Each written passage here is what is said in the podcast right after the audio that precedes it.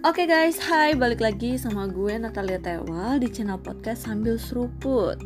Oke, okay, udah lama nih gue nggak nge-record lagi dan uh, ya pada kesempatan kali ini gue mau sharing soal ya 9 kecerdasan atau skill yang ada pada setiap individu atau uh, manusia. Nah, uh, menurut uh, seorang tokoh pendidikan yang sekaligus psikolog uh, yang mencetuskan teori kecerdasan majemuk atau multiple intelligences. Uh, beliau adalah Howard Gardner berpendapat bahwa ada 9 tipe kecerdasan yang ada pada manusia. Nah, menurut beliau, kecer kecerdasan tak hanya bisa diukur melalui uh, kayak nilai akademik aja nih.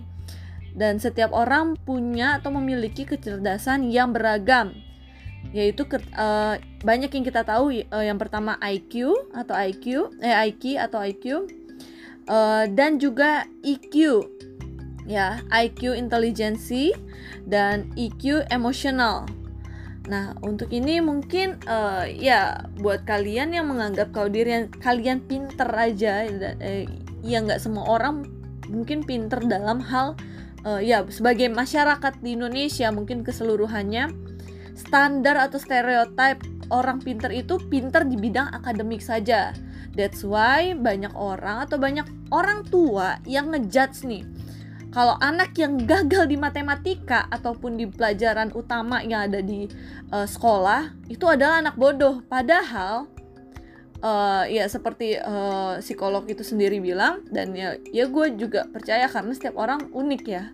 Ya setiap orang punya masing-masing atau uh, masing-masing kecerdasannya tersendiri.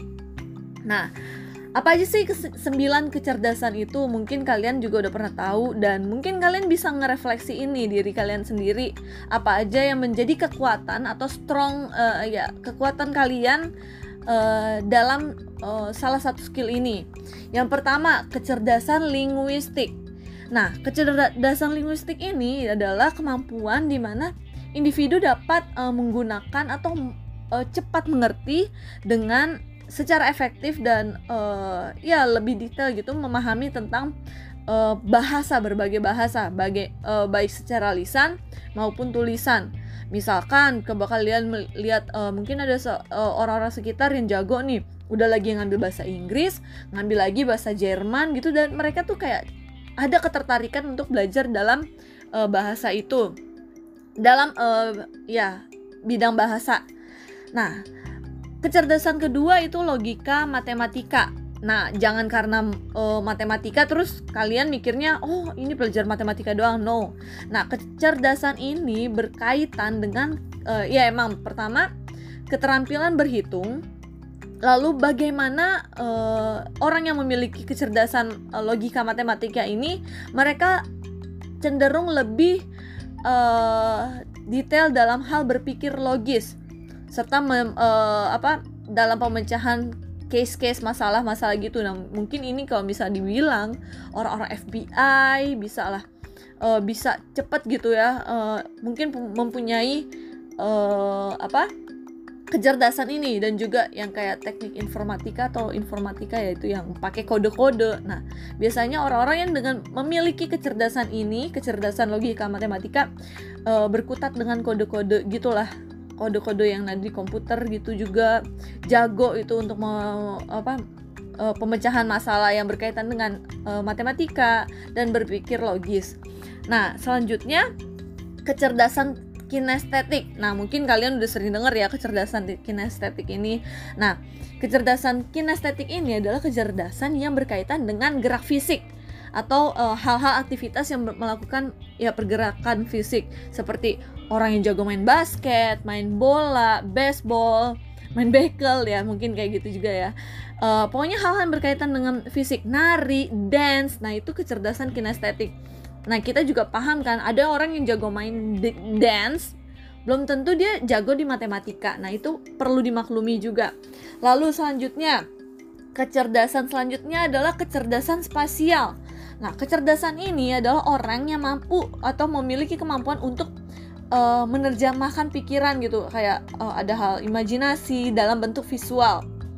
Nah, uh, ini mungkin tandanya tuh buat orang ya kalau kalian bisa uh, refleksiin diri kalian sendiri atau orang-orang sekitar uh, ada nggak sih kayak temen yang itu uh, hafal banget jalan-jalan padahal udah ke gang-gang pun mereka tuh bisa hafal Nah, itu adalah orang-orang yang mempunyai kecerdasan spasial. Mereka mem memakai satu metode metode kayak uh, apa ya? pointing gitu loh. Jadi kayak misalkan sebelum belok ini dia mendanda menandakan sebelum belokan ada portal, sebelum uh, nanjakan sebelum ada nanjakan masuk ke gang rumah misalkan ada gapura. Nah, mereka menandakan eh, hal-hal uh, tersebut dengan simbol-simbol tertentu yang uh, mereka buat sendiri gitu di dalam otak. Nah, itu adalah kecerdasan spasial. Nah, juga selanjutnya kecerdasan musikal. Nah, kecerdasan musikal ini adalah orang-orang yang mungkin atau seniman-seniman yang peka terhadap nada, irama, ritme musik. Mungkin kalian ada yang tahu, uh, kenal lah. Gue juga sendiri uh, ada adik uh, remaja di gereja. Dia punya kemampuan spasial di mana dia cuma genjreng doang tanpa melihat nada. Dia bisa nebak gitu. Uh, itu nada dari kunci apa? Nah itu termasuk kemampuan dalam kecerdasan musikal. Nah selanjutnya kecerdasan eksistensial Nah, ini adalah kecerdasan dengan keingintahuan yang lebih cenderung lebih atau tinggi tentang arti kehidupan, kematian dan realitas uh, hidup. Nah, itu juga berkaitan dengan mungkin agak sedikit uh, berkaitan dengan spiritual juga ya menyentuh dengan spiritual cuma dia uh, ya mungkin ini kalau dibilang orang-orang filsuf filsuf begitulah yang uh, apa ingin mencari tahu sesuatu gitu jadi kayak melakukan melakukan ya ya semoga nggak salah sih kayak melakukan kayak eh, penelitian untuk melakukan untuk mendapatkan informasi terbaru tentang kehidupan lain gitu-gitu. Lalu selanjutnya kecerdasan naturalis. Nah, ini adalah kecerdasan uh, yang uh, pada individu itu sendiri memiliki cenderung memiliki uh, kemampuan mengenali alam sekitar dan peduli dengan sesama makhluk hidup.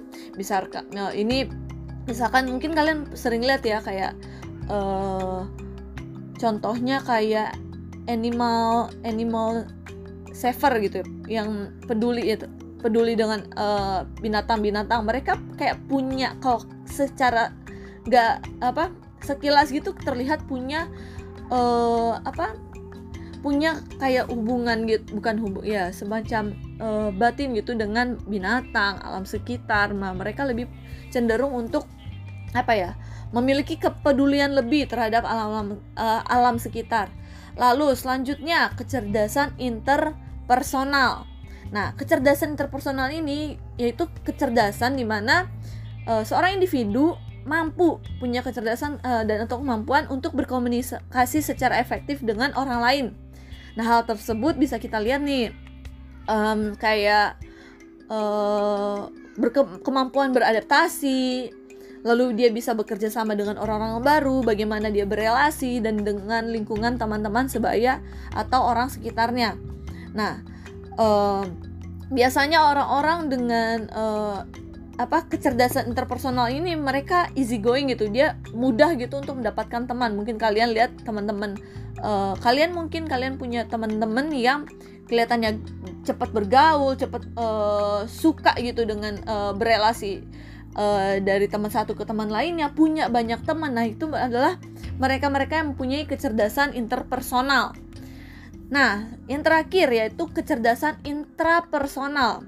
Nah mungkin beda ya kalau misalkan berelasi dengan orang sekitar itu inter. Dan kecerdasan intrapersonal adalah gimana seseorang atau uh, individu memiliki kecerdasan uh, cenderung cerdas dalam memahami diri sendiri dengan baik.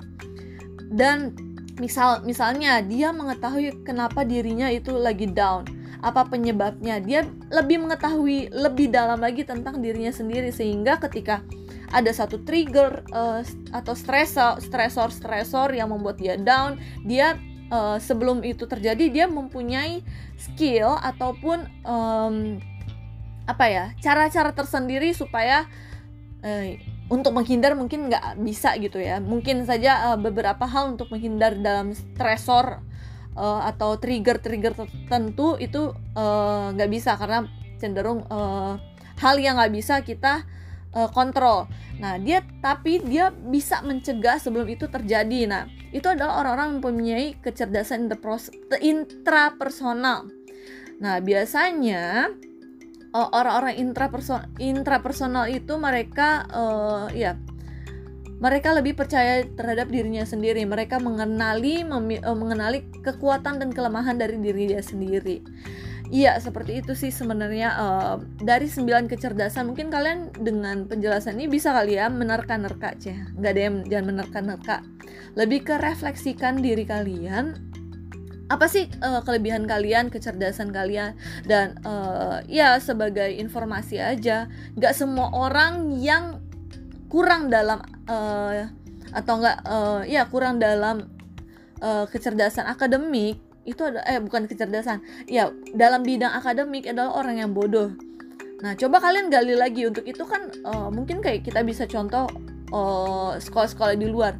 Mereka membuka sekolah atau ya dengan uh, apa udah spesifik gitu. Bidang musik bidang seni gitu-gitu. Nah setiap orang punya kelebihan dan kekurangannya masing-masing nah uh, bukan berarti karena kita merasa habis denger ini ah iya kan setiap orang berbeda-beda terus nilainya jelek. Jangan juga begitu ya. Selagi kita bisa berusaha jangan lupa untuk tetap terus belajar gitu. Dan apa salahnya ketika kita bisa memiliki ya yes, mungkin nggak memiliki semua uh, uh, punya skill-skill uh, di kecerdasan-kecerdasan lain gitu yang mungkin menjadi minat kalian juga uh, bisa menjadi pemahaman kalian gitu dalam uh, menambah pengetahuan-pengetahuan uh, baru dan buat ya mungkin beberapa pesan aja sih buat beberapa dari kalian. Mungkin uh, kayak menilai orang oke okay, orang yang rajin baca buku orang yang rajin dalam uh, nilai bagus-bagus selalu ranking satu uh, apa uh, paling dominan di sekolahnya itu adalah orang-orang yang paling cerdas gitu. Belum tentu ya bukan gue meremehkan belum tentu mereka ya siapa tahu mereka cuma ya ya secara akademis ya mereka bisa tapi belum tentu mereka bisa bergaul dengan orang lain. Belum tentu dia punya kayak kecerdasan spasial mereka uh, bisa mengetahui menghafal cara jalan sana cara jalan sini nah seperti itu. Jadi balik lagi setiap orang memiliki uh, ya kecerdasan atau skillnya masing-masing. Nah ini juga gak cenderung menetap langsung satu satu uh, sekalian ya. Nah setiap orang cenderung memiliki beberapa uh, kecerdasan atau skill yang ada pada dirinya masing-masing.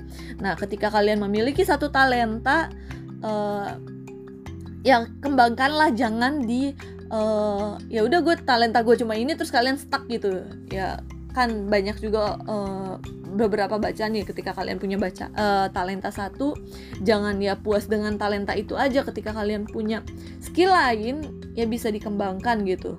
Dan ya salah satu ya sebagai sharing salah satu ini uh, mungkin secara uh, diri gue gue bukan orang ya mungkin beberapa teman di sekitar gue gitu memahami yang memahami gue gitu uh, gue sangat takut untuk berbicara di depan umum. Kad bukan kadang, sering kali apa yang menjadi uh, apa ya kalimat yang gue keluarkan itu tidak sesuai dengan otak yang ada ya apa tidak sesuai dengan pemikiran gue jadi kadang kalimatnya tuh atau kata-katanya tuh ketuker gitu dan akhirnya menimbulkan persepsi lain tapi di sisi lain dengan kelemahan gue atau uh, uh, weakness gue itu gue punya bad secara verbal secara verbal gue punya uh, pembahasa atau linguistik ya kecerdasan ini linguistik gue sangat-sangat di bawah gitu. Linguistik gue sangat jelek.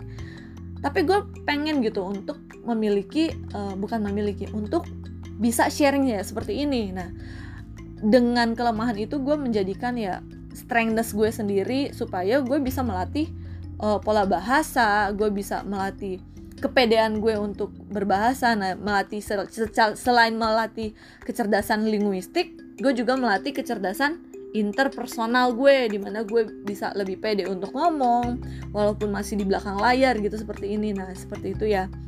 So buat kalian jangan uh, ada menstigma orang-orang yang bener-bener bodoh gitu. Uh, bukan bodoh.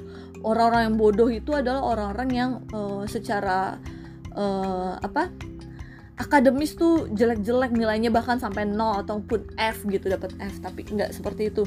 Kita semua diciptakan Tuhan kita percaya kalau Tuhan kasih talenta masing-masing. Ketika Tuhan kasih talenta kita masing-masing ya kita diberi kesempatan untuk terus belajar selama hidup. Ini kan ya kita juga melalui proses pembelajaran. So ya jangan takut untuk belajar hal-hal baru yang menurut kalian ketika kalian punya skill di atau punya passion di bidang itu tetap kembangkan tetap usahakan. Jangan peduli apalagi buat temen-temen yang mungkin sekarang ini lagi memikirkan untuk uh, jurusan apa sih yang akan diambil apa uh, di mana gitu.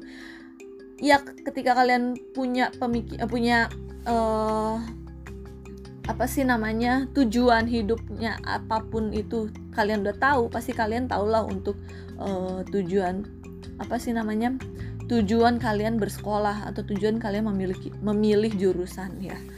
Ya seperti itu kurang lebihnya ya mohon maaf bila kalau ada eh, hal-hal uh, yang mungkin nggak sesuai ya kalian bisa uh, kritik gue secara personal melalui email ataupun ya komen secara personal ya bisa lah. Oke semoga informasi kali ini dapat bermanfaat buat kalian tetap kembangkan apa yang menjadi potensi dan jangan jangan takut untuk mencoba hal-hal baru dan itu ya bisa jadi proses pembelajaran buat kita sendiri. Oke, okay, thank you for your uh, thank you for your attention and listening and see ya di next podcast. Bye.